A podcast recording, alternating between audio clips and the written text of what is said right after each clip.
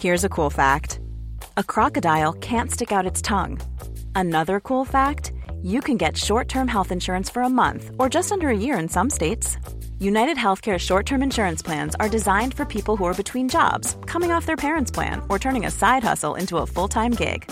Underwritten by Golden Rule Insurance Company, they offer flexible, budget friendly coverage with access to a nationwide network of doctors and hospitals.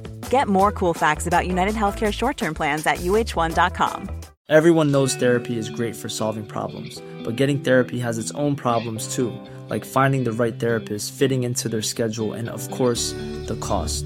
Well, BetterHelp can solve those problems. It's totally online and built around your schedule. It's surprisingly affordable too. Connect with a credentialed therapist by phone, video, or online chat, all from the comfort of your home. Visit betterhelp.com to learn more and save 10% on your first month. That's BetterHelp, H E L P. Velkommen til en ny episode av podkasten En tid er penger, en podkast med Peter Warren. Dagens tema er valuta, og vi skal bl.a. snakke om en av den verste krisa som har vært i noen valuta noensinne, og det var bare et par år tilbake i tid. I tillegg så vil jeg oppfordre lyttere som kanskje er litt mer interessert enn snittet, og, og har kanskje noen spørsmål til Peter eller noe lignende, om å bli med i Facebook-gruppa til uh, Tid er penger. Hvis du bare søker på Tid er penger på Facebook, så finner du den lett. Det er også en link i beskrivelsen av denne fila. I tillegg, så hvis du har noen spørsmål du ønsker å sende til uh, Peter, så kan du også gå inn på nettstedet www.ig.no Nei, .com skråstrek no skråstrek Warren. Og der kan du også sende inn spørsmål til Peter. Vår samarbeidspartner uh, på podkasten er IG Markets. IG er, hvis du ikke kjenner til dem, det er en nettmegler som henvender seg til de kanskje litt mer aktive investorene. Hos IG kan du ta lange og korte posisjoner i masse forskjellige markeder. Det er også et bra tillegg i forhold til langsiktig sparing som du kanskje i dag har hos din egen private bank. IG er en verdensledende aktør i sin nisje og har vært et selskap i over 40 år. En annen fordel med IG er at du kan handle internasjonale aksjer fra over 20 land. Det er også gratis å åpne konto. Men da eh, kan vi starte med episoden som handler om å tjene penger på penger. Jeg holdt en gang et innlegg på en eller annen konferanse der jeg skulle snakke om penger. Det var knytta til bitcoin. Og da gikk jeg litt tilbake og så på gamle form for penger, da. Da var det ei eller anna Ei eller anna øy ute i middle of nowhere der de hadde gjort sånne store steiner om til penger. Men de var for store til å flytte, sånn at, de, at det var et slags um, Det var et slags derivatmarked knytta til de store steinene. Én stein var liksom x antall valuta. Og så var det en gang en sånn stein ble frakta på et skip, og så sank skipet. Men så visste jo alle hvor steinen var. Så steinen var fortsatt med i um, pengeflyten. I, I pengebeholdningen. Pengemengden. Og på en måte så, så, er jo det akkurat det samme sånn som bitcoin er nå, mm. på mange måter. Altså det er noe du vet er der, du stoler på matematikken. Nå syns jeg bitcoin egentlig bare er tull, men øh, til en viss grad i hvert fall. Mm. Men øh, du har jo brukt veldig store deler av livet ditt å tjene penger på penger, og med å bidra med likviditet til markedet. Det er et veldig spesielt marked. Verdens største marked skrives nesten ingenting om. Valutamarkedet, ja. Omtales omtrent ikke i avisa. Ingen snakker om valutamarkedet med mindre du skal til Sverige og handle eller skal på ferie. Ja, det er rart, fordi det, jo, det er jo flere som sitter og, og, og spekulerer, også privatpersoner, i valutamarkedet enn det er i aksjemarkedet. Det er uh, Altså også i Norge, det sitter ekstremt mange og handler valuta. Spesielt næringsdrivende, kanskje? Ja, næringsdrivende, men også, også private investorer sitter og, og handler valuta. Um, det, det, er merkelig, fordi uh, det var ikke lenge siden kjent norsk eiendomsinvestor. Jeg satt ved siden av ham på, på toget ned fra Gardermoen, og hva han er interessert i? En Valuta. Han har posisjoner i, i, i valuta. Um, og det er, det er, forbausende mange som sitter på uh, Som sitter og handler valuta i uh, Mange av dine lesere på din blogg? Ja, det òg. God del der. Men de handler altså det er folk, Jeg tror det er flere som handler aksjer enn kanskje en valuta på den, men det kan godt hende. Jeg, jeg vet ikke. Jeg vet ikke. Jeg ser um, Jeg um, Uh, jeg ser jo av, av, av, lesere så ser jo ikke jeg hvem, hvem det er som, som, leser det. Jeg ser de som på en måte abonnerer på bloggen, så de får, uh, så de får varsel når den sendes ut. Um, de, de, navnene ser jeg, men jeg ser ikke, jeg klarer ikke å se, jeg ser ikke alle leserne. Ja. Men det, det som er interessant med valutamarkedet, jeg føler at det er en av de få markedene for handel som fortsatt er der det fortsatt er Kanskje litt der aksjer var 30 år siden, 40 ja, år siden. Faktisk. Der du har spesielt folk som hadde eksponering mot valuta gjennom tradisjonell næringsdrift. Uh, folk som driver med fiske eller shipping eller andre typer ting som, som gjør at de ser verdien av å f.eks. hedge bort valutarisikoen. Og så ser de av og til verdien med å beholde risikoen fordi at de har en ønske å øke sin potensielle oppside. Ja. Um, men har, har, reflekterer du Er det valuta primært du handler i løpet av en dag? Akkurat nå er det det. Akkurat nå, men vært, ellers har jeg vært helt sånn agnostisk til um, Altså til, til, hvor jeg handler. Altså det er rett og slett hvor er det jeg ser mulighetene. Altså jeg har få, få, få krav, og er jo Kravene er at det skal være likvid. Altså det skal være mulig å komme seg ut av fort. Det skal være på det, Altså, det, du skal ha et kursbilde til enhver tid. Det har du jo f.eks. ikke på eiendom, så jeg driver ikke på en måte jeg, jeg, driver ikke og spekulerer i eiendom. Jeg vet at mange, mange, gjør det, men jeg har liksom et krav til likviditet rundt det jeg gjør. Um, og, og da, jeg, da jeg drev uh, Warren Shortham uh, Trading, uh, fondet, så hadde vi Der var det ni valutapar som var aktuelle, som vi handlet i. I tillegg til så handlet vi amerikanske og tyske rentefutures. Og vi handlet SMP 500, altså terminer på den amerikanske aksjeindeksen og terminer på den europeiske aksjeindeksen. Uh, av og til var vi borte i DAX-indeksen. og så handlet vi olje og gull. Og Det var de tingene som var likvide nok til at du kunne handle veldig store posisjoner og komme deg inn og ut fort. Uh, og husk på, vi hadde bare posisjoner i løpet av en dag. Vi hadde satt aldri med risiko over natt. Um, så det var aldri sånn at du Så hver dag når du kom inn, så hadde du Du hadde ikke noe gratis ved at trenden var opp og sånn som det er hvis du sitter på et aksje Altså forvalter et aksjefond. Går markedet opp, så tjener du penger, ikke sant. Og du får Vi måtte komme inn hver dag og se etter nye muligheter. Sånn var det. Og, finne de. Og det var Altså, vi så stort sett Det var veldig, veldig, veldig sjelden at vi ikke fant en mulighet på en dag. Eller noe å prøve oss på, i hvert fall. Men reflekterer du over altså, hva valuta egentlig er for noe? Eh, hvis du ser på hvor vanskelig det kan være, eh, så er det to situasjoner. Det er ikke uvanlig at profesjonelle tradere av og til blande debit og kreditt, av og til blande valutaparet, mm. og, og selge noe du hadde tenkt å kjøpe. Mm. Fordi at valuta er litt forvirrende pga. at det er et par. Og det vet jeg folk langt opp ja, fordi Når du kjøper noe, så er du alltid long det ene og short det andre. Ja, og det kan være litt komplisert av og til hvis du er sliten. Og, og hvis du ser på Vi nevner av og til Donald Trump, du kommer ikke unna han uansett hvor du er. Eh, så ringte jo han en av sine rådgivere og spurte er sterk eller svak valuta best for amerikansk økonomi. Mm. Og det er ikke noe godt svar på det den ene eller andre veien. Du kan si det er sterkt svak er bra for det konkurransedyktig, men det er ikke et absolutt svar den ene eller andre veien. Nei, altså fordi en svak valuta vil også ofte reflektere at man har liten tillit til, eh, til landet ikke sant? Når, når, valutaen faller. Sånn som vi har sett bl.a. I, i flere land i, i, um, i Sør-Amerika.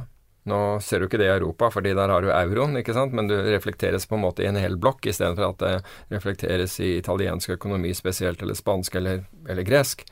Um, men uh, Altså, det, det, er fort altså Jeg har også gjort feil ved at jeg har kjøpt noe som jeg mente å selge, men det, er, men det er rett og slett fordi jeg trykker feil, ikke fordi jeg ikke vet hva jeg egentlig hadde tenkt å gjøre. Og Det er bare et tegn på at du er litt, begynt, at du er litt sliten. Men altså, det, det, ville, det ville skjedd om uansett hva det var. Altså, at du bare trykker på feil side av, av, av streken. Uh, men, uh, men reflekterer du over hva, hva, det er du handler, egentlig? Nei, jeg gjør ikke så mye det, for, for det, det, rekker man ikke i, i um, det, det, kortsiktige bildet. Men kan, altså, du reflekterer over det når du har et makrosyn på noe. Altså det er forvaltet, eh, Jeg forvalter jo et makrofond, global makrofond i tolv år. Og da har du et ordentlig syn på hva du driver med. ikke sant? Da, da, det, da handler det om pengestrømmer og, og, og, og, hvor du ser renten gå, og en rekke nøkkelfaktorer med det landet, som gjør at du Og, da kan jeg utnytte det f.eks. Uh, i rentemarkedet, jeg kunne utnytte det i aksjemarkedet, jeg kunne utnytte det i kredittmarkedet, eller jeg kunne bruke råvaremarkedet eller valutamarkedet. Så da var det egentlig hva, er det som gir meg best effekt på det jeg har tro på nå? Og da kan det være sant, valutamarkedet. Men i tradingen så er, er for fordelen med valuta er at du, at du kan selge relativt store beløp uh, raskt. 24 timer i døgnet, mer eller mindre. Hva sier du? 24 timer i døgnet, mer eller mindre. 4, ja, 24, ja, 24 timer i døgnet, i hvert fall fem dager i uken kan du gjøre det. Så det kan du gjøre, selv om det er klart at norske kroner, f.eks. Hvis du Nå sitter ikke jeg og handler det, eller i hvert fall sjelden gjør jeg det. Uh, jeg er borti norske kronen, men uh, da, da, den er ikke spesielt likvid midt på dagen Singapore-tid. Men den handles, men hvis du sitter med en stor posisjon da, så, det, så kan det bli ugreit. Men når du skal velge deg en, en, en, posisjon, så Altså, å, å, å, velge ut en aksje å kjøpe da du sitter, altså En av grunnene til at folk velger ting som er spekulative, er jo fordi det skrives om det mm. på fora og i, i aviser, og, og, det er det du hører fra andre. Du hører tall, og så pluss 10% og sånn. Så, og Der er det lettere å skjønne på en måte narrativen bak en aksje. Mm. Som er også en av grunnene til at aksjer er mye lettere på en måte å selge til investorer mm. enn f.eks. obligasjoner, som er langt mer komplisert, som inneholder masse terms. Um, og så har du valuta som, der du egentlig ikke vet hva du, du kjøper, spesielt på kort sikt. Mm. Hvordan går du fram for å for å ja, For det første, jeg, jeg bruker altså, det er med hånd på hjertet, jeg bruker aldri kjøps- eller salgsanbefalinger for å, for å vurdere det. Jeg leser ikke noe før jeg vurderer Altså, jeg bruker matematikk og, og, og, og statistikk bak, eh, bak, det jeg gjør. Um, og er ikke interessert. Altså, jeg leser ikke altså, Hvis jeg ser en sånn artikkel i en avis der, så hopper jeg over den. Med mindre liksom, den, den er sånn at jeg syns den er så idiotisk, den der overskriften, at, uh, at det ender med at jeg skriver en blogg, for jeg mener at den er så riv ruskende gæren.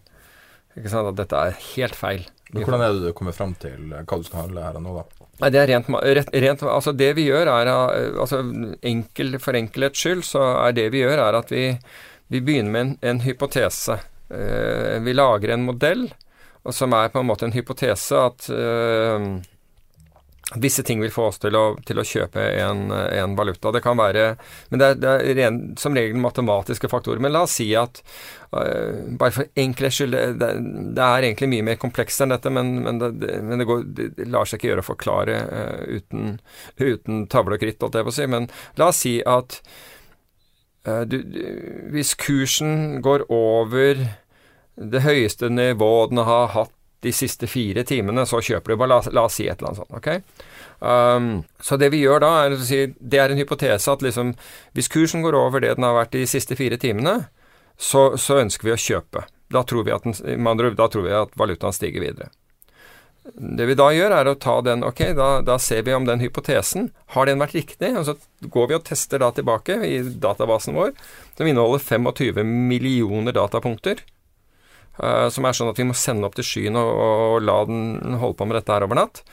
Da sender vi den opp der for å se stemmer det. Altså Egentlig så er, har vi mye mer sofistikert system, for vi kan faktisk be systemet finne ut uh, om, om, Hvis kursen går over i uh, noe som har vart i fire, fire timer eller åtte timer, den kan søke på dette her også. Men vi, vi, vi søker gjennom det.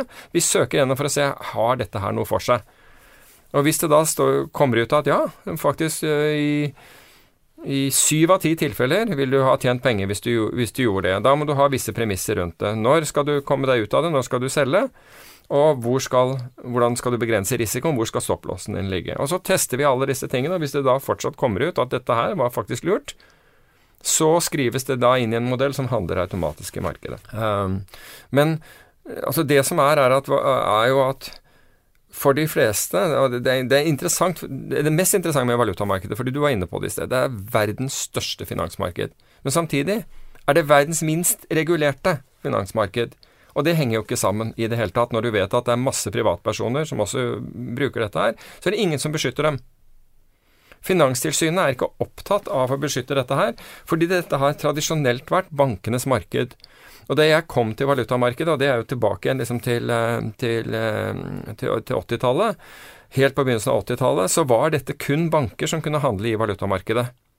Um, og, og, vi satt med telekser. Altså du telekset kurser over, over Atlanteren.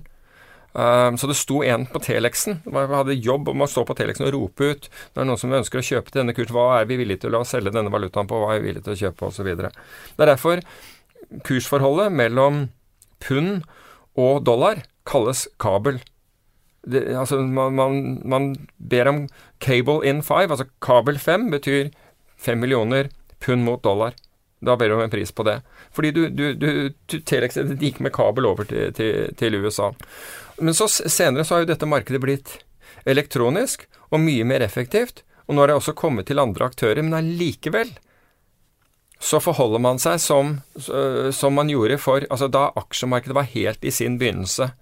Og det er egentlig fantastisk at det går an, at ikke, at ikke myndighetene ser på dette og bare slår igjennom. Hvilken myndighet? Du ja, du har Bank, Bank, of International Settlement, du har jo finanstilsyn, du har sentralbanker osv. Fordi hvis aksjekursen hvis en, hvis en kurs på en aksje er kjøper fire, selger fem, ok, la oss si at det er det, og så ringer du og så sier jeg er interessert i å kjøpe den, den aksjen, så vil jo ikke megleren si ja, du kan få den på åtte. Ikke sant? For er du gal? Jeg ser jo at kursen er fem her, hvorfor skal jeg ikke betale det? Nei, ok, syv da. Nei, kursen er jo fem. Ja, men seks, da. Du, gi meg den der på fem. Det er fem selgere i markedet. Ok, du får den på fem. Valutamarkedet er nemlig sånn. Hvis kursen er fire, kjøper fem selger, så kan du risikere å måtte betale ni, og, og han smartingen på den andre enden, banken på den andre enden, putter det rett i fòret. Rett i lomma. Og det er det du ser på resultatene og bankene gjør det så fantastisk plutselig i, i disse i valutaavdelinger og sånt noe. Det er ikke fordi de tar risiko i det hele tatt, det er fordi de tar kjempemarginer av kundene sine. Og dette, altså Det, det fins jo regler som sier at du skal, du, du skal, At det du gjør, altså som megler, skal være til kundens beste.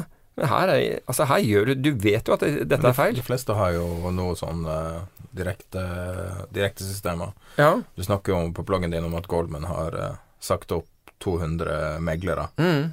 Uh, valutameglere, tror jeg det var. Ja, de er, de, de er, de er erstattet eh, De, er erstatter, ja, riktig. med riktig. programmerere. Ja. Som lager automatiske systemer. Litt overraska over at, at, det skjer ja. først nå. Jeg trodde at uh, Nei, de, de, har hatt det, men, men, du kan si nå ser du hvor mye disse automatiske systemene kan håndtere. Altså, men de det, gjør det samme fortsatt, de automatiske systemene? Ja, de gjør det, men, men du kan si at altså, du, du, har jo fremdeles banker som, inn, som har da kjøps- og salgskurser på på, på, på, på, nett, slik at du kan handle på dem. Men du, den er bare indikativ. Du får ikke vite prisen du har fått eh, før etterpå. Så, mens altså i det ordentlige markedet så får, du vite. Men greiene er at de prisene som bankene stiller, viser deg er ikke de beste prisene i valutamarkedet. De legger et påslag på salgskursen og trekker fra på kjøpskursen, og det er det du får. Så de får gratis altså, Men det er cost of doing business, kan man si da. Ja, men sånn var det jo i aksjer tidligere også, men, men der har man gått helt bort ifra det. I tillegg får du omkostningene ved handelen. Mens i aksjemarkedet får du ikke Altså, der får du det betaler kurtasjen, men du får kursen. Her betaler du på en måte Du betaler omkostning pluss, pluss at du får dette her påslaget. Det som kalles slippage, eller? Ja, altså Nei, slippage er jo, er jo, egentlig når du prøver å kjøpe fem, men, men så får du ikke fylt det volumet du har, slik at du må kanskje betale 5,2 før du er ferdig. Uh, men, uh, men, det er helt fantastisk. Altså, den, det, er, den, det er ikke reell konkurranse. Selvfølgelig de aller smarteste, altså de største, ta, ta f.eks. Statoil. De har jo valutameglere selv. De vet hvor markedet er. Så de blir på en måte ikke lurt i, i dette her. Men de mindre blir lurt. Sånn er det. Altså, de betaler en margin som de egentlig aldri skulle ha betalt. De skulle aldri betalt bruke, Hvis du bruker plattformer Ja, selv men Ja, du kan bruke, du kan bruke Det finnes gode plattformer, men du må ha plattformer som er såkalte aggregatorer. Og det er hvor de, de tar inn uh, kurser fra en rekke steder. F.eks. massevis av banker uh, priser inn i de systemene. Um, og, og, andre plattformer priser inn i de systemene. Effektivt sett en børs, da. Effektivt, altså Det du har i dag før så Du har EBS, som er, står for Electronic Broker Services.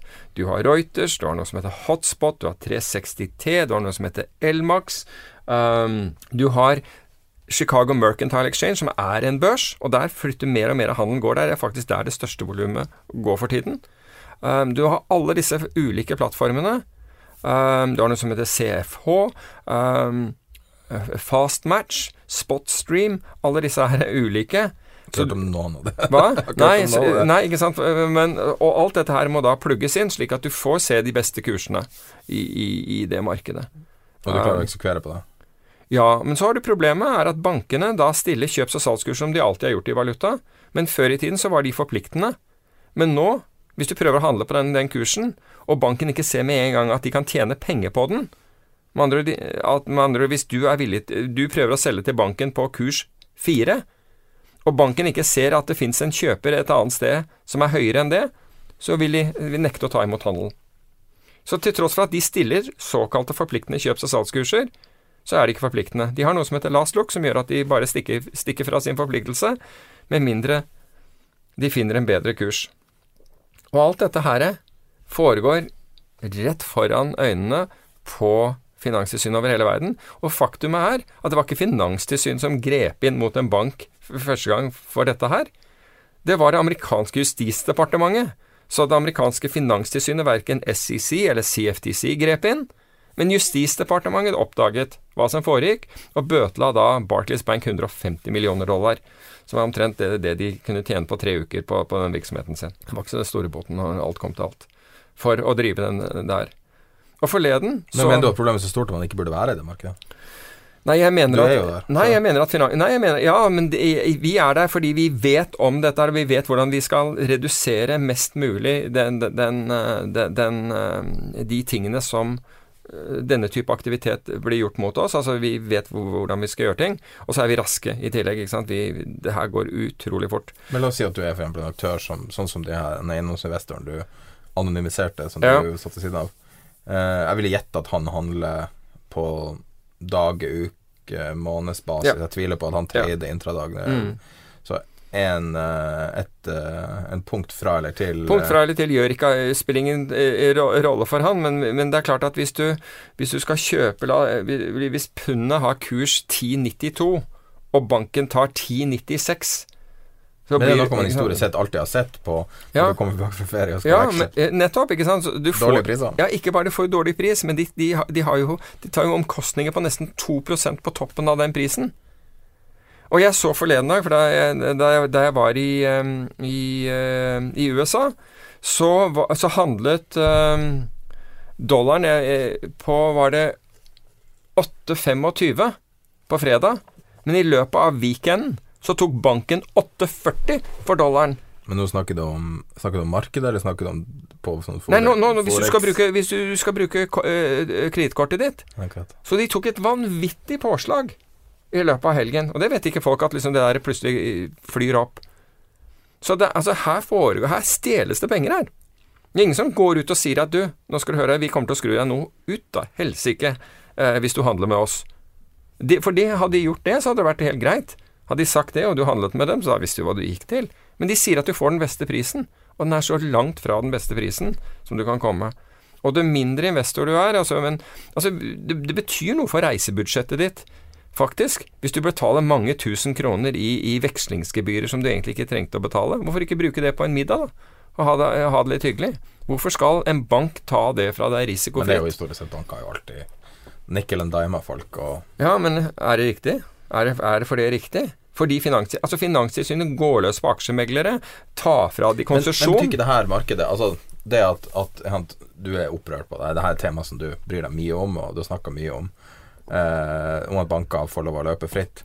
Men hvis du ser fra det fra en, sånn, en tradingperspektiv, da, mm. betyr ikke det her at det her markedet er fortsatt eh, Det er fortsatt betydelige muligheter for private å tjene penger?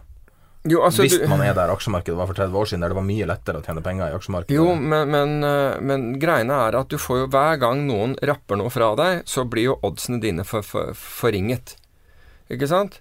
Og hvis det var slik at Altså Se for deg at, at, du, at du vet at, du, at de aller fleste har litt odds mot seg fordi de skal betale differansen mellom kjøp- og selgekurs. La oss si at, at oddsene dine var litt dårligere enn 50 når Ja. du gikk inn i markedet. ok? Men, men, så, men her er jo Men det der at de kan trekke seg fra handelen vil si at liksom du det samme, Du går inn på et kasino hvor de har rulett. Rulett er et døvt spill fordi du er på en måte dømt til å tape penger over tid. Ikke sant? Fordi du har oddsene mot deg. Så enkelt er det. Alright? Så over tid så taper du penger på rulett. Men allikevel du velger å satse. Så, så satser du på 24, og så har du bare griseflaks, og det nummeret 24 kommer opp. Og så sier krypieren 'beklager', kasino tar det som kommer på 24 i dag.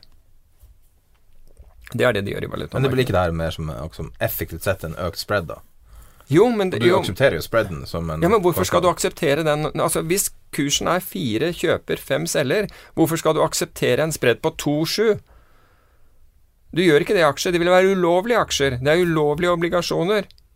Men i valutamarkedet, som er verdens største marked, der er en free for all. Det er noe som er helt gærent her. Når tilsynene, justisdepartementene rundt omkring i verden, godkjenner dette her, men de, men de, men de ørsmå beløpene som da du blir ranet, eller ble ranet for i aksjemarkedet, det er sånn at da mister meglerhus konsesjonen hvis de gjør noe sånt nå. Mens i valutamarkedet, hvor det dreier seg om milliarder, altså faktisk billioner i transaksjoner i, i, av dollar om dagen, der er det helt ok. Jeg skjønner ikke det. Jeg, jeg forstår ikke det argumentet. Jeg prøver å se på litt positivt på det. Lykke til. Du, men jeg tenker at du, du er jo en, eh, en, veldig vocal på en måte eh, forsvarer av valuta og, og, bruker valuta. Og eh, aksjemarkedet er en litt sånn kanskje litt sånn usofistikert form for finans. Det har jeg fått inntrykk jeg har fått fra deg. At i hvert fall rene aksjekjøp er at du påtar deg mye risiko. Du, du kjøper noe du kanskje ikke helt vet hva er. For det er vanskelig å virkelig vite hva du kjøper gjennom et jeg tror, jeg tror, folk tror at de vet hva, hva, det er når de kjøper i aksjer, og mye mer enn at de, de faktisk vet, fordi det er mer kom, komplisert enn de tror. Men, men kan du ikke kalle at aksjer er poker, der du har begrensa informasjon? Mens valuta er mye nærmere sjakk, der alle på en måte vet alt til en viss grad. Ja, men du kan si at vi, det er jo nettopp det. At vi, vi vet jo ingenting. Og, og, og det, det, det, kortere tidshorisont du har, desto mindre eh, vet du, egentlig. Slik at fordi det som kan påvirke Hvis jeg tar en posisjon nå, hvis liksom matematikken og alt det, statistikken vår tilsier at ok, nå skal jeg kjøpe euro mot dollar f.eks. her, så kan tre sekunder senere plutselig eurokursen falle kraftig, altså kraftig i forhold sånn, på en sånn intradag-bevegelse, fordi en fondsforvalter i Hongkong hadde akkurat solgt en hel haug av europeiske aksjer og, og, fått inn euro og skulle selge de i markedet, f.eks. Altså, du, vet, altså, du har ikke peiling. Det kan være altså, Du aner ikke om en sentralbank har behov, eller et eller annet sånt. Du, altså, du må altså gå etter kausaliteten. Det er sånn altså Hva var årsaken? Det kan du snakke med noen over en kopp kaffe eller en drink på kvelden. I nuet glem det. Sørg for at liksom, risikoen din er kontrollert. Men er ikke det også en av problemene til valutamarkedet? Det at den har på en måte ikke en historie. Sånn at uh, når man snakker om uh, Hvis du ser Jeg, jeg satt og, og fulgte um, lenge siden sist jeg har gjort, og fulgte Apple etter kvartalstallene. Mm. Uh, det var mye hype rundt at de kanskje kunne underlevere, og det var mye, det var mye tull rundt det der. Og jeg, så gikk jeg lenge siden jeg har sett på det, da. Og så var det jo gangbusters, og det var fantastisk uh, overlevering. Alle skjønner det. Det er så lett å skjønne. Du kan Alle har en iPhone, eller mange har en mm. iPhone, mm. og, og det, det, er så utrolig håndgripelig. Mens valuta til en viss grad mangler en story.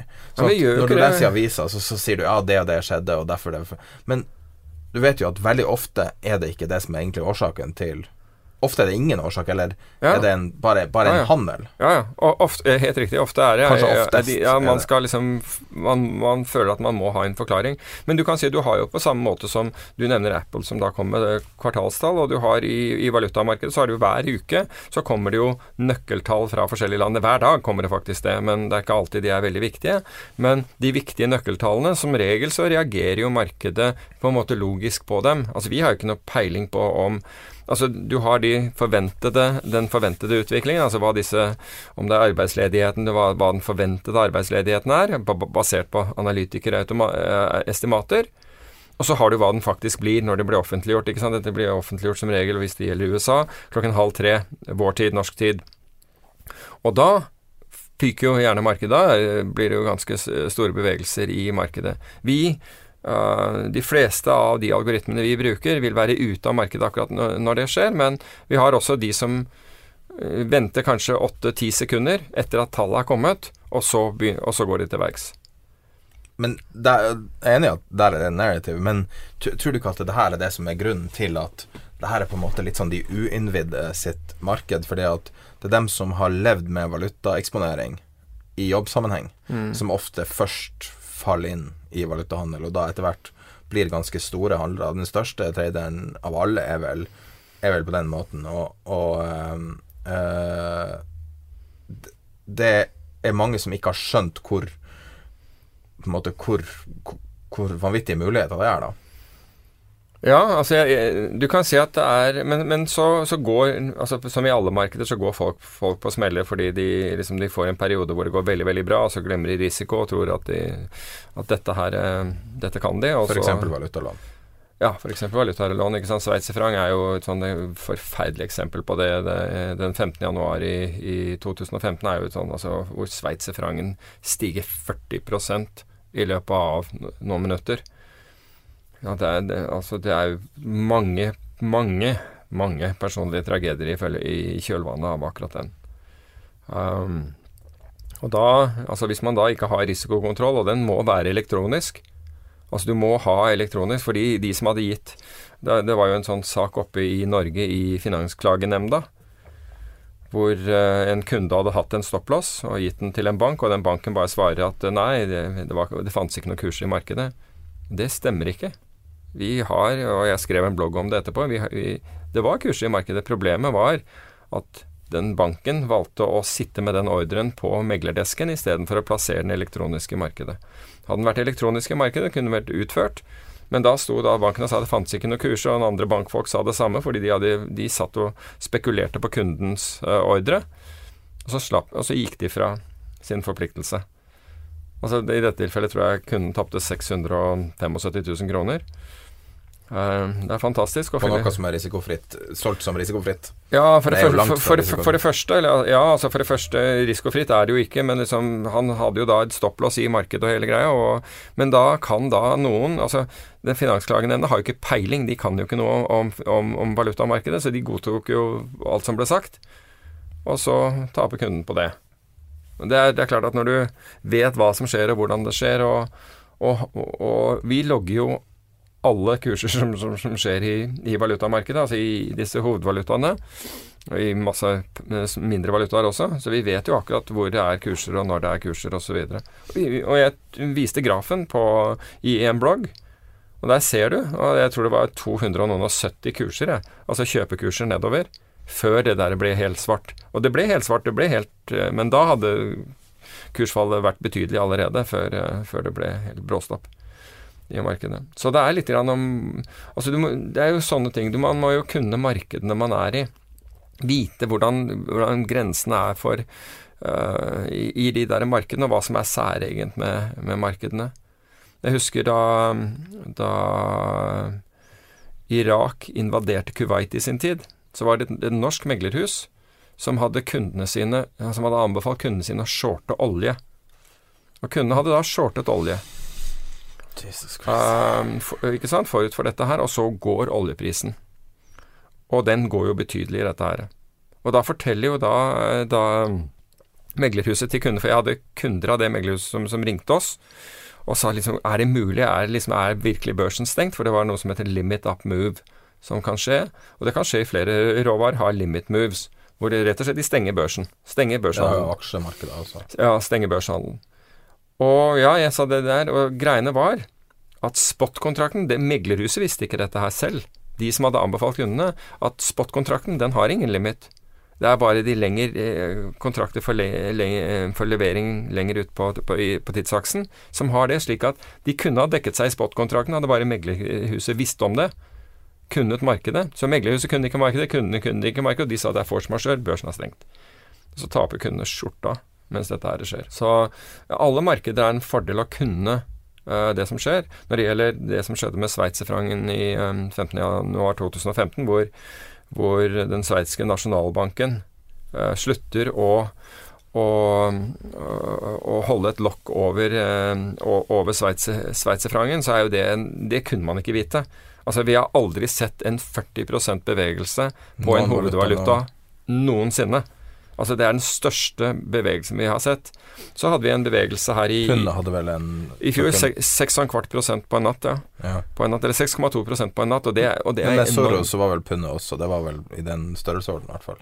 Ja, men det, det, skjedde, det, skjedde, ikke på liksom noen minutter. Nei. Ikke sant, Når han gikk løs på, på, på pundet den gangen. Det, det, skjedde jo over mange, mange dager, hvor liksom dette der bikka over, over kanten.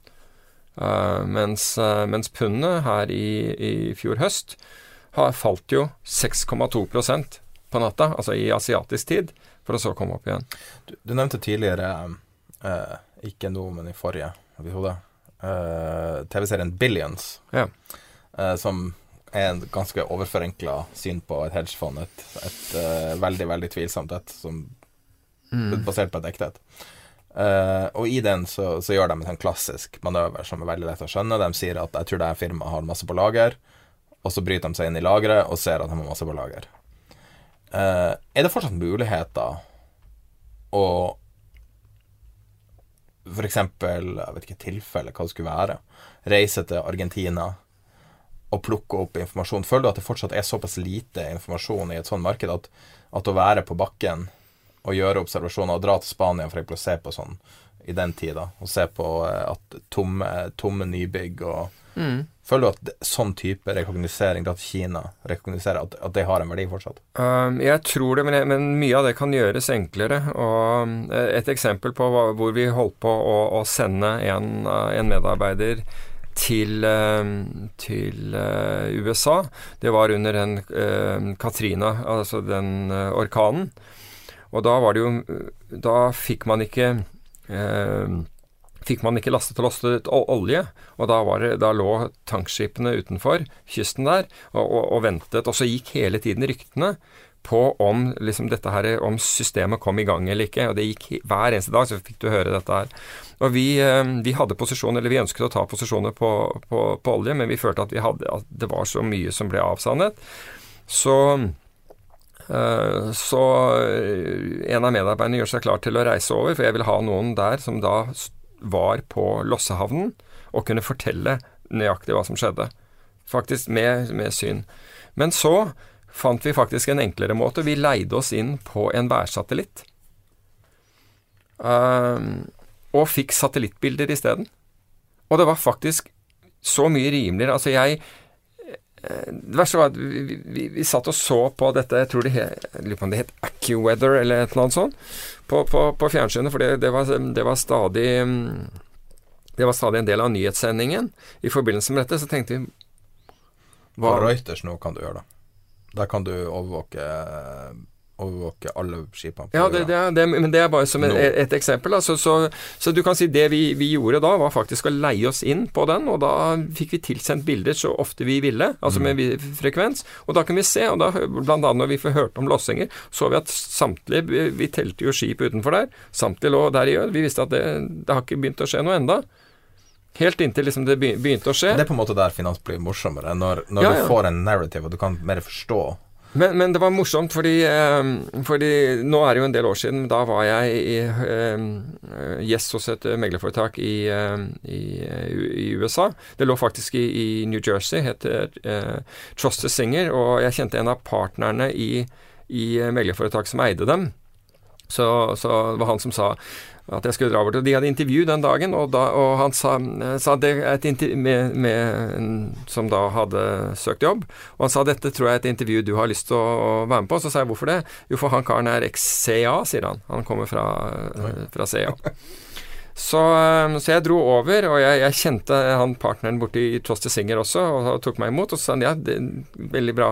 Så sa jeg hva kommer det at liksom Hva kommer det at uh, at Hvordan valgte dere han til intervju? Han sa vi tar alltid inn altså Folk fra spesialstyrker eller etterretningstjeneste får alltid intervju, sa han. Det er ikke sikkert at vi, vi, eh, vi eh, ansetter dem, men det er ofte mennesker med, med, med, som ser verden på en annen måte, så vi gir dem alltid intervju.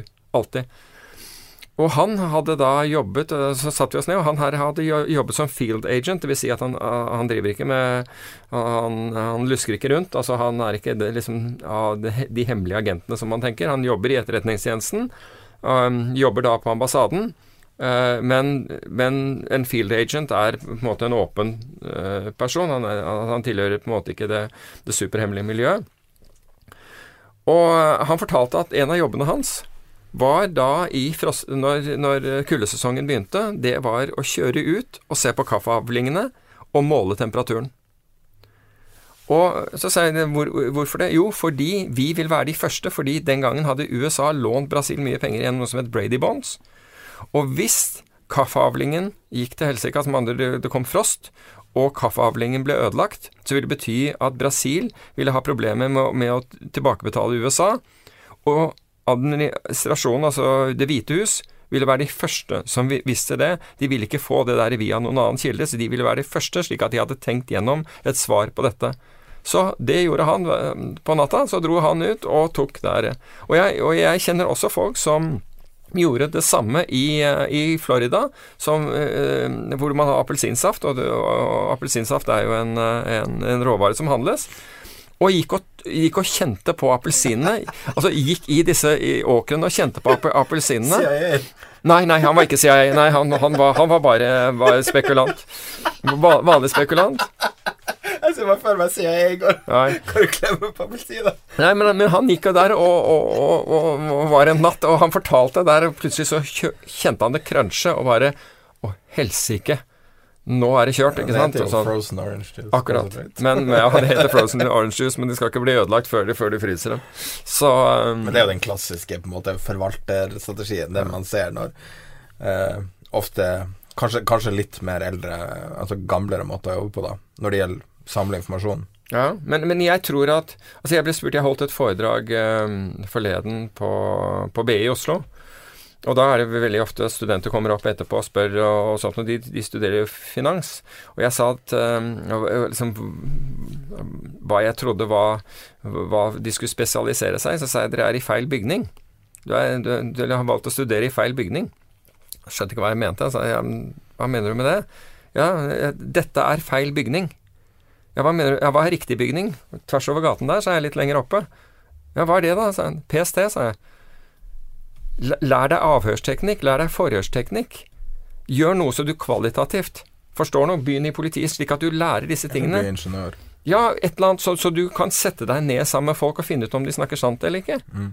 Ikke sant? For tallene kan vi sope inn veldig fort. Jeg hadde en idé apropos det her. Eh, mens det fortsatt var gulv på sveitserfrangen, så hadde jeg, en, jeg hadde tenkt å, å dra til Sveits og så henge i de barene som er i nærheten av sveitsiske sentralbanken. Mm. Teorien min var at dem som, som jobba der, sannsynligvis dukka opp der. Du tenker at, at, at sveitserne er spesielt sprudlende mennesker? Så, og, og, du, og, og, du kan, og ideen min var da at du kunne plukke opp på et, et humørskifte hvis det skulle være noe. Bare med å tilbringe tid i en bar i nærheten av SMB. Det, det tror jeg fortsatt kunne ha fungert. For å være helt ærlig så har jeg aldri skjønt hvorfor ikke Økokrim eller Finanstilsynet eh, besøker Bear Palace på en fredag, men det er en annen sak. Det, det, mener jeg virkelig, fordi det går mer informasjon mellom folk og det, det, er sånn enn de gjør noe annet sted i Norge. Det er jeg temmelig sikker på. Eh, for dem som ikke vet hva Beer Palace er, så er det der eh, hele Finans-Norge er på. Ja, det er en sånn en ølbule på, på, på Aker Brygge. Et godt poeng. Så det, men det er jo det Samle informasjon er Altså, jeg, jeg, jeg tror at Jo, men jeg, jeg tror at, at hvis du skal utmerke deg i dag altså Maskiner er raskere til å hente informasjonen din. Den, den, sveiper inn informasjonen fra alle mulige kilder. Mange flere kilder enn du er i stand til å gjøre som, som, som menneske, og mye raskere. Og, kan, og, og, og maskinen er i stand til å prosessere denne, analysere den og gi deg svar mye raskere enn det du eller jeg er i stand til, eller noen annen. Men det vi ikke er i stand til, det er kvalitativt vurdere hva hva, hva, hva, den, denne informasjonen. Slik at du får vite f.eks. Øh, øh, hva, hva, man tror om, om, salgstallene for dette året, hvilke mål de, og hva, hva, bedrifter tror de skal komme med. Um, hvor, mye, hvor mye laks som skal produseres, eller hva det måtte være. Jernmalm, et eller annet sånt. Men sett deg ned sammen med finansdirektøren, eller kanskje noen som jobber i den der bedriften, og, og snakk med dem. Og liksom få en kvalitativ. Se på kroppsspråk, tonalitet, alle disse tingene. Uh, om de rører seg, om hvor øynene går. Alt dette her. Er det sant?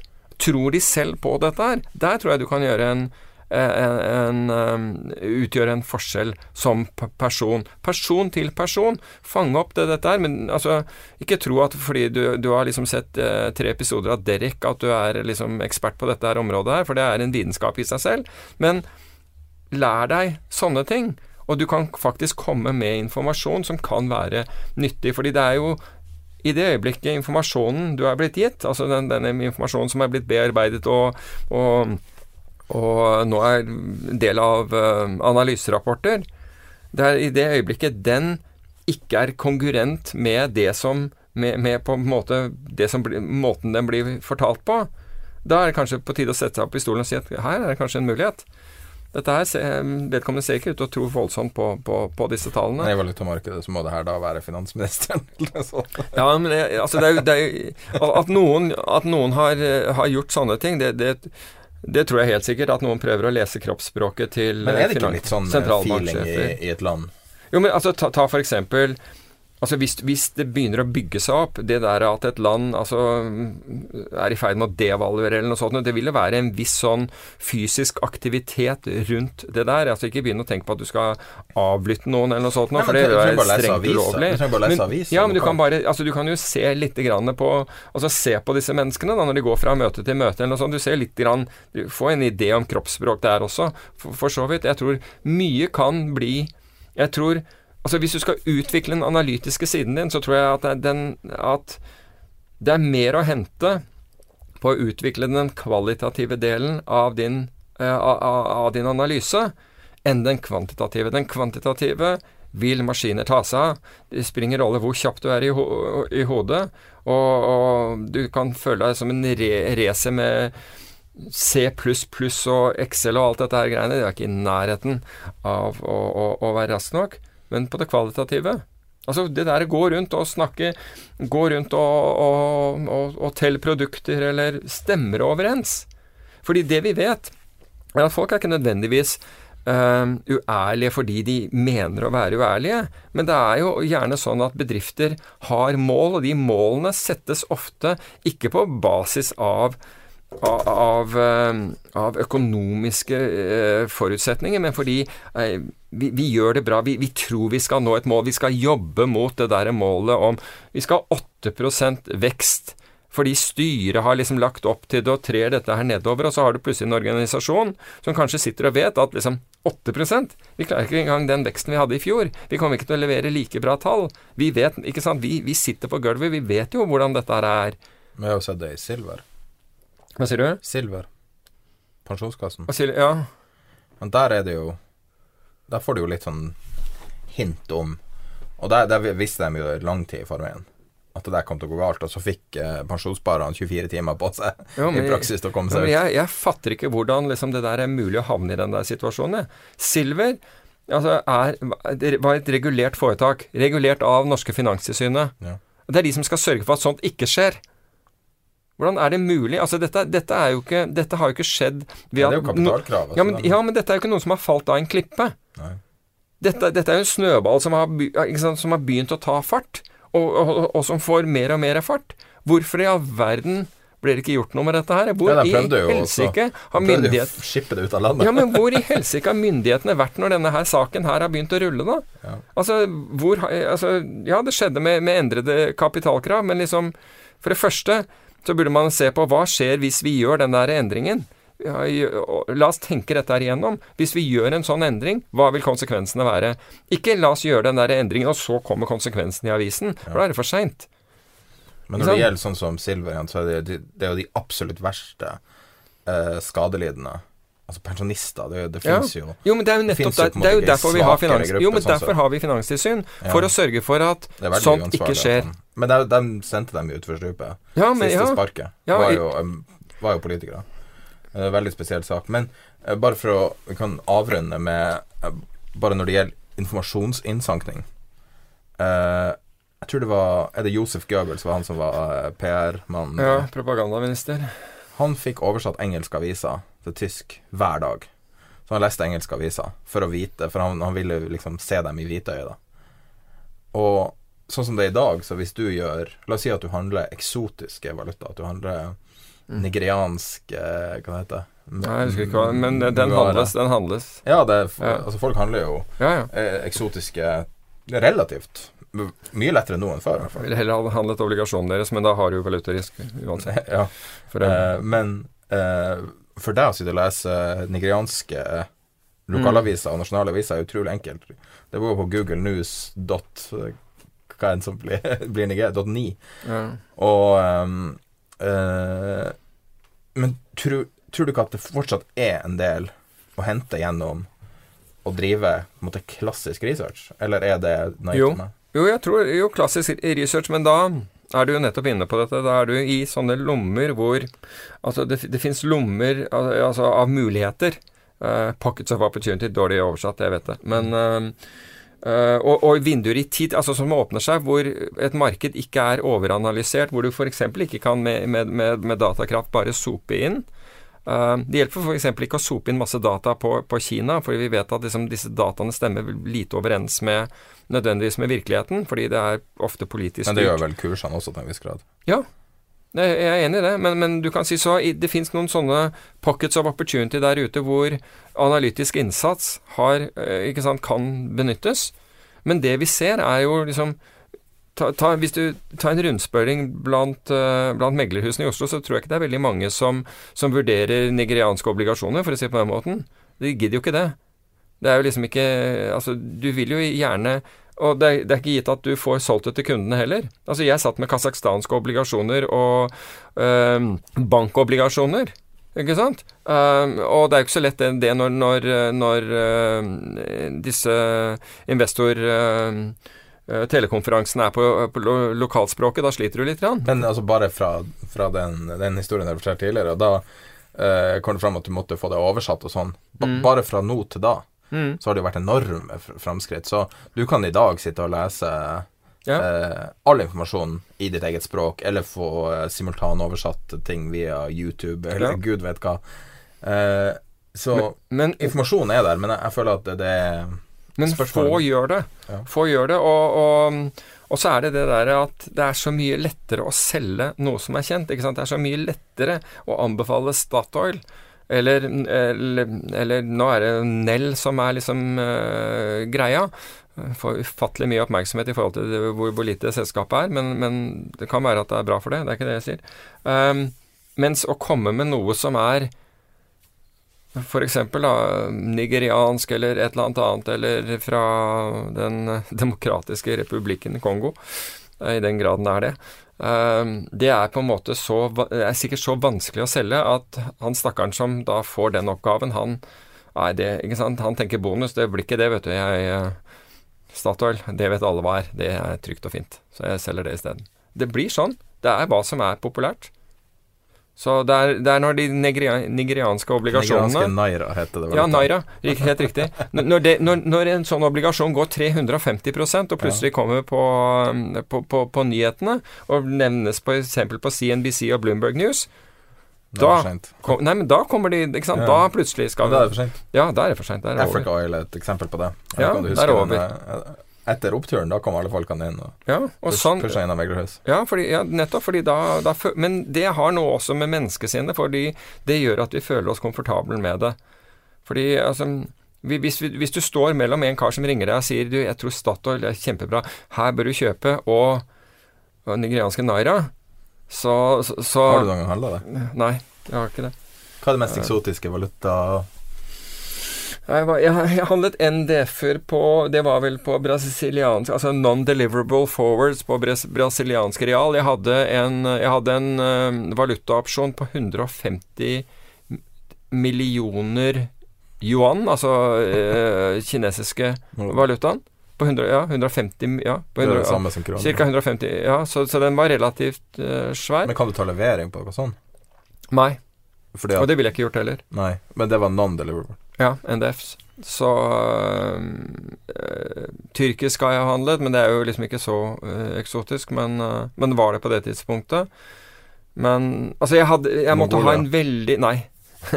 nei. Mongolia har en børs. Ja, jeg tror det er en tavle. Ulan Batar, ja. antakeligvis. Ja. Men Men Altså, jeg måtte jeg, jeg måtte ha en veldig godt case, altså sånn veldig sånn Jeg måtte se virkelig potensialet for at jeg skulle for at, for at jeg skulle liksom gå inn i disse noe mer i, i, i likvide uh, investeringene. Da måtte det være fordi jeg så stor ubalanse som ikke var tatt ut mm. uh, i, i, disse her. Da uh, kunne jeg interessere meg for interessere meg for det.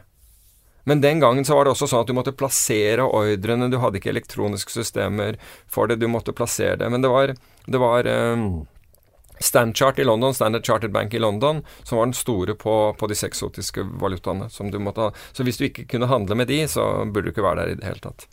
Men du holder deg til de fem, fire store? Fem store? Ja, nå er det åtte i Ja, altså vi kan handle veldig mye mer, men, men som jeg holder øye med, det er, det er åtte. åtte Har du chart oppe på skjermen? Valutapar Ja, men ikke, sånn, ikke sånne chart som gir noe mening, på en måte. Ikke sånn som ser ut som som, som, Noen ganger bare for å se nivåer, om, om, no, om nivåer har blitt truffet, så vil jeg klikke til chart for å se faktisk at det var der, eller øh, noe sånt noe, men ellers så er det litt mer de er ikke så lett å forstå, for å si det på den måten. Men hva er det du, er det du ser på i løpet av en Vi kan avrunde med det. For altså, hvordan ting følger du med, hvis du ser bort fra tradinga di som er algoritmisk? Uh, men jeg følger jo med på en måte på, på det som skjer. Oljemarkedet f.eks. Senest i, i, går skrev jeg om, uh, om oljemarkedet. Altså, det er ganske interessant at du kan Interessant med oljemarkedet i øyeblikket det er, eh, altså, oljemarkedet har jo gått fra å være i backwardation, som vi sier, altså hvor olje for levering i fremtiden er mye billigere enn olje for levering i dag. Sånn var det før ø, eh, oljeprisen falt, ganske kraftig.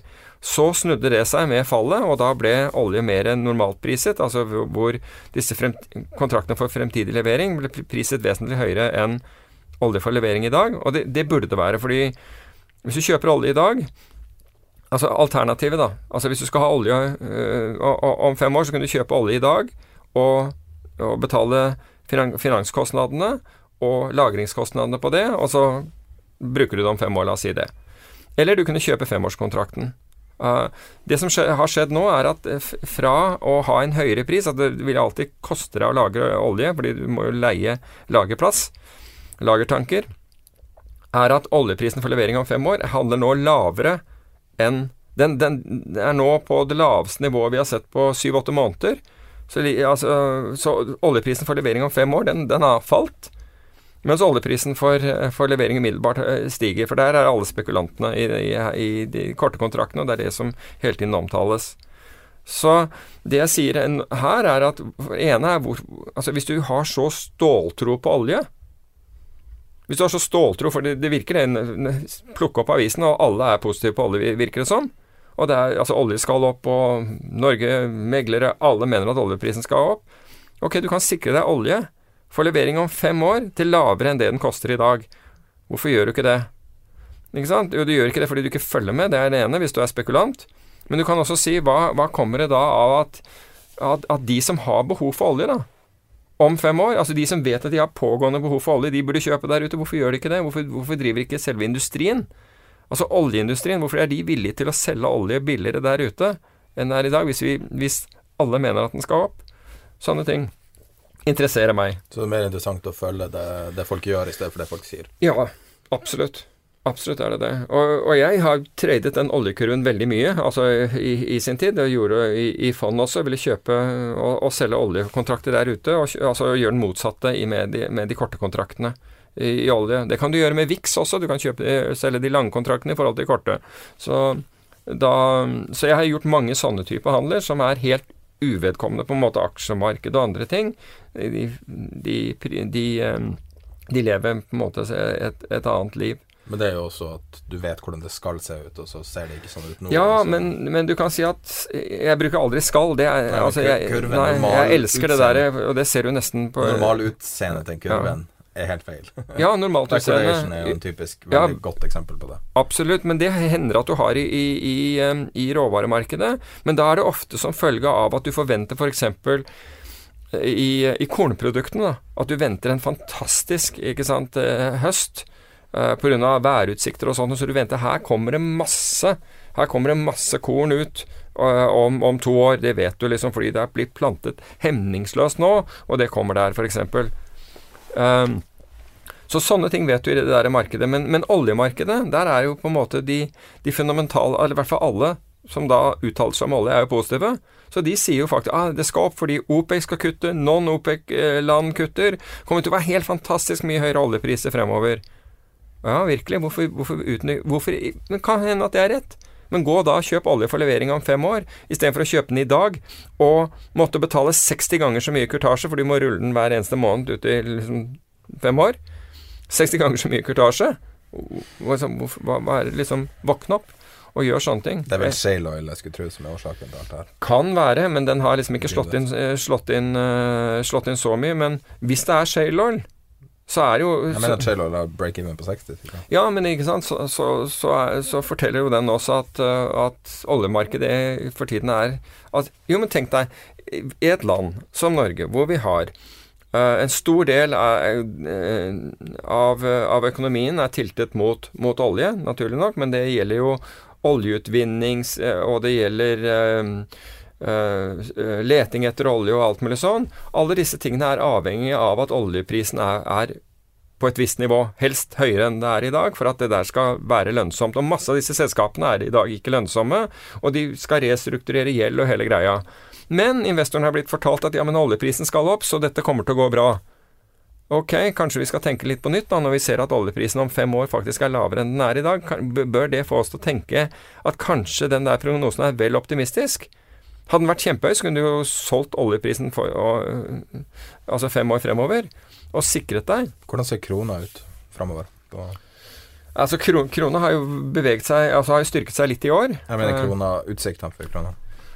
Jeg vet ikke, altså Du kan si at kronen på dette nivået Jeg ville håpe at kronen skulle gå, gå sterkere. Hvorvidt det kommer til å skje eller ikke, vet jeg ikke. Fordi det du Du kommer litt an på hva Altså Foreløpig så har jo inflasjonen skuffet i, i landet, og det gjør at at i hvert fall PT er mer sannsynlig med en rentenedgang enn en oppgang. Hvorvidt de setter ned renten, det er en helt annen sak. Det er ikke sikkert at de vil gjøre det pga. eiendomsmarkedet og andre ting.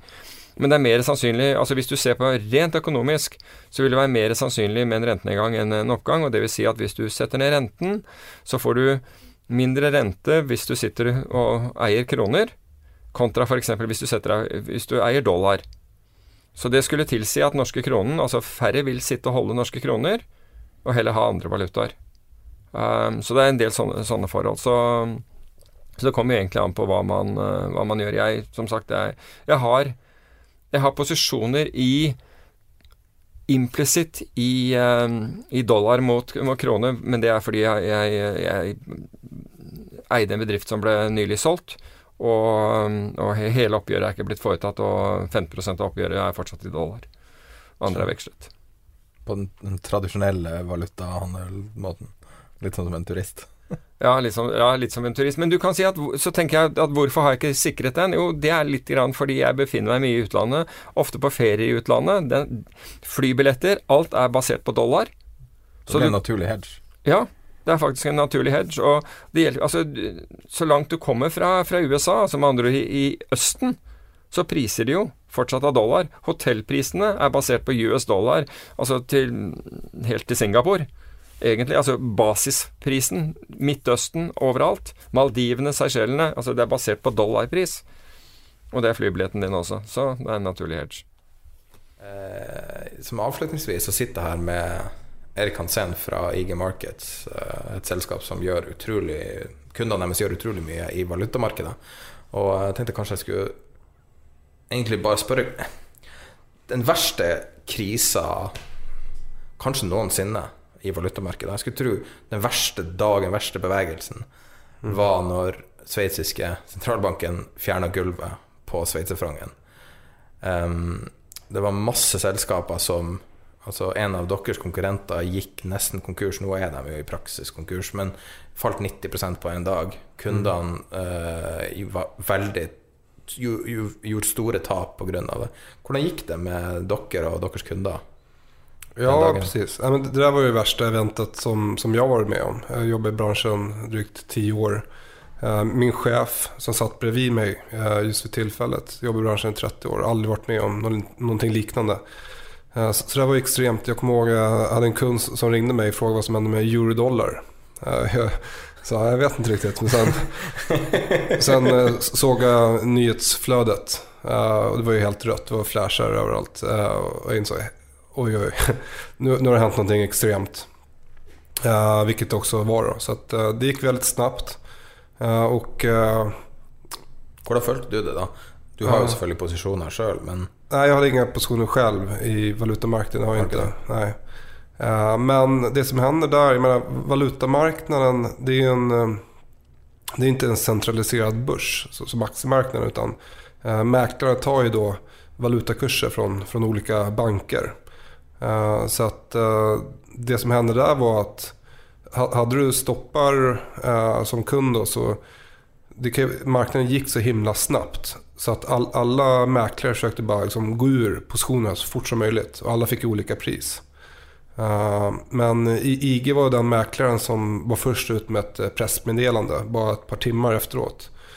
och gick ut och kommunicerade med marknaden. Så här ser läget ut så här mycket tror jag att vi uh, har förlorat på det här. Uh, och jag menar, IG är ett börsnoterat bolag. Uh, så det är jätteviktigt att vi kommunicerar med aktieägarna också. Vår aktie som noteras på, på London, Londonbörsen föll 3-4% den dagen. Samma dagen som konkurrenter falt 90%. Ja, precis. Så det, det, var, det var ett tydligt tecken på kvitto att IG har en väldigt stark balansräkning Eh, och inte har en hög risk i sin verksamhet som, som många andra mäklare har. Men Hvordan gikk det med kundene? Klarte dere å close posisjoner på veiene, eller fikk alle veldig dårlig execution på ja, IG lyckas uh, få bra execution uh, till, till många andra uh, jämfört med många Automatiskt? Allt det här skedde automatiskt? Ja, det, det sker automatiskt. Uh, sen, sen sitter inte jag på den desken så att jag har inte detaljkoll på exakt hur den processen sen går. Då. Men det, det sker automatiskt. Många kunder uh, som inte då kan täcka sin margin på kontot, det, det blir margin call. Uh, och IG går in och stänger då eh, positionerna för kunderna eh, så fort som möjligt. Eh, så att, eh, sen, menar, när marknaden går så himla snabbt så är det då tyvärr möjlighet för vissa kunder att hamna på negativt balance. Uh, ikke dem som har garantert stopp, ikke sant? Nei, precis. Har, har en garantert stopp? Var garantert stopp lansert, da? Nej, det var inte det. Uh, jag tror faktiskt inte det var det. Uh, men gar stopp finns ju nu så att du kan ju lägga en garanterad stopp. Så da hadde du ikke havnet på minus på kontot Da. Ja, da hadde du ikke tapt noe hvis du hadde lagt det rett under gulvet. Ja. og det finns, vi har også, nå har vi begynt å tilby en kontotyp som heter Limited Risk Account. Uh, vilket, vilket, innebär i grund och botten att det finns en garanterad stopploss på alla dina positioner. Så att om du har den kontotypen så kan du aldrig hamna på minus på kontot. Ja, så viktigt. Då. Så att uh, det, det, det, kontot uh, lämpar sig jättebra för folk som till exempel studenter eller har ett lägre sparande. För förut kunde vi inte öppna konton hos dem utan då nekar vi deras konto. Ja. Ska man ha ett konto på IG så krävs det att man har en viss intäkt eller ett fast eh, sparande, eh, inkomst. Men mindre kunder kan ha en sån ja, begränsad konto? Precis. Så nu kan vi erbjuda... Har den mindre tillgång då? Ja, de, de, de har samma utbud på allting. Och så gearing? Eh, och, och en lägre gearing. De har lavare gearing, ja. ja Men det er jo positivt da. Det, det, det, det, är sunt. Det är sunt. Ja.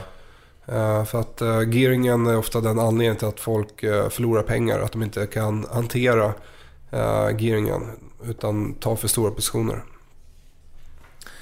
Det er Selv om det aksjer dominerer, spesielt i Norge, da. Du er jo svensk, men eh, i Norge så dominerer aksjer eh, de eh, finansielle publikasjonene. Men vi ser jo større og større fokus på valuta, og det virker som de proffe aktørene er mer fokusert på valuta. Eh, hvorfor tror du det at det er så mye større fokus på valuta nå kontra liksom, det aksjefokuset som har vært tidligere? Ja, interessant at du nevner det faktisk, for at vi satt her for noen uker siden og så såg det seneste året så har vi haft en uh, högre aktivitet i FX. Uh, IG Skandinavien då. Uh, jag tror att det, det beror mycket på den ökade politiska uh, osäkerheten både i Europa och USA. Vi hade, vi hade till exempel Brexit som ökade handeln i valuta. Jag tror också att efter Donald Trump vann presidentvalet så tror jag att många tog ett bett i dollar mot euron. Uh, så jag tror det varit ett par antal uh, faktorer som gjort att folk har blivit lite mer intresserade för, för FX. Det, det, är en, det är en marknad, det är världens största marknad. Det kan handla valutor dygnet runt. Uh, och jag kan också passa på att nämna att på IG kan du handla FX uh, DMA, det vill säga Direct Market Access. Uh, så du, du, ser orderboken och du har extremt låga spreadar och courtage. Så att, det är väldigt kostnadseffektivt. ja, det har blivit billigare att trade rätt och slett. Du kan göra mye trades också utan att du, ja, precis. Utan att du har mycket tapp i, i commission. Exakt, precis. Så du, du kan sitta och daytrada euro-dollar till exempel.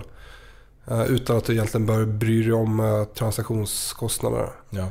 Uh, og DAX, som dere har ganske stor aktivitet i, det er jo en, en børs som der det er veldig store bevegelser hele tida. Altså det er mye volatilitet i forhold til andre markeder.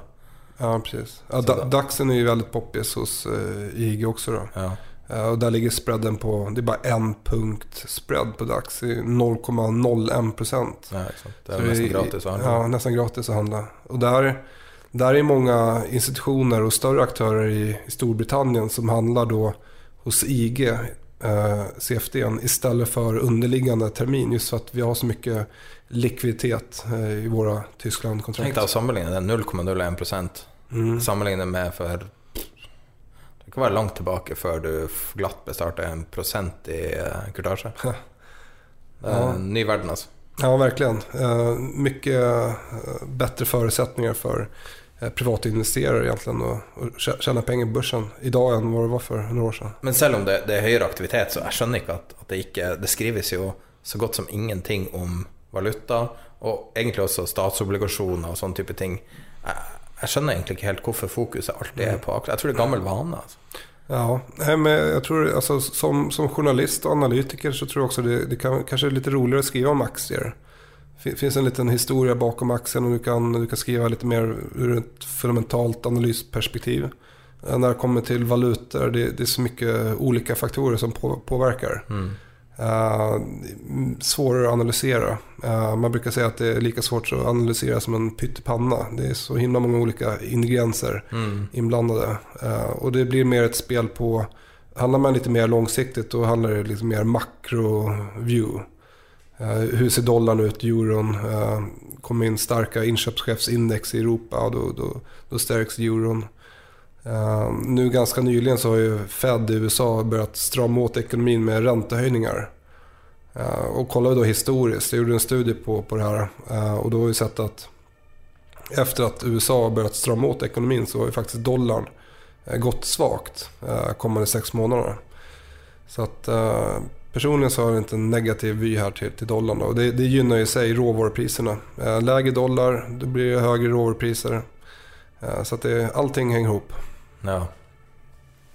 Syns også det er litt artig, bare avslutningsvis, eh, den historien om Donald Trump. at han eh, ringte en eller annen general, eller hva det var, ikke en markedsmann, og spurte om eh, Uh, sterkere eller svakere dollar var bedre for amerikansk økonomi. Og det er jo det som er med valuta, det er litt vanskelig å vite. Jeg kan ikke helt sånn øyeblikkelig si to strek under svaret hva som er best. Man skulle jo tro at lav dollar, svak dollar er bra, men uh, jeg, tror, jeg, tror, ikke det er Det er et komplisert mm. marked, men jeg tror også det er veldig mye proffer i markedet. De smarteste pengene, pengene handler nå valuta i større grad enn aksjer. Ja, virkelig. Og det her gjelder jo som private privatinvesterare bare ta rygg på marknaden. Uh, ja, vi kan jo ikke gå imot marknaden, da er vi, røkt direkte. Mm. uh, innenfor presidentvalget der med Trump. Menar, skulle Trump vinne presidentvalet så var det mange som trodde at dollaren skulle falla. At børsene skulle falle. Det blir helt helt tvärtom. Ja, men det er jo også folk som ikke skjønner hvordan Ja, investorer tenker. ja. Fordi at altså, lavere skatter og alle de enkle tingene her vil jo selvfølgelig få kortsiktig effekt. Mm. Så um, nei, men er interessant. Men da sier jeg takk til Erik Hansen fra IG Markets. Takk. Da var det, avrunder vi første sesong her, så vi starter ganske snart med sesong to.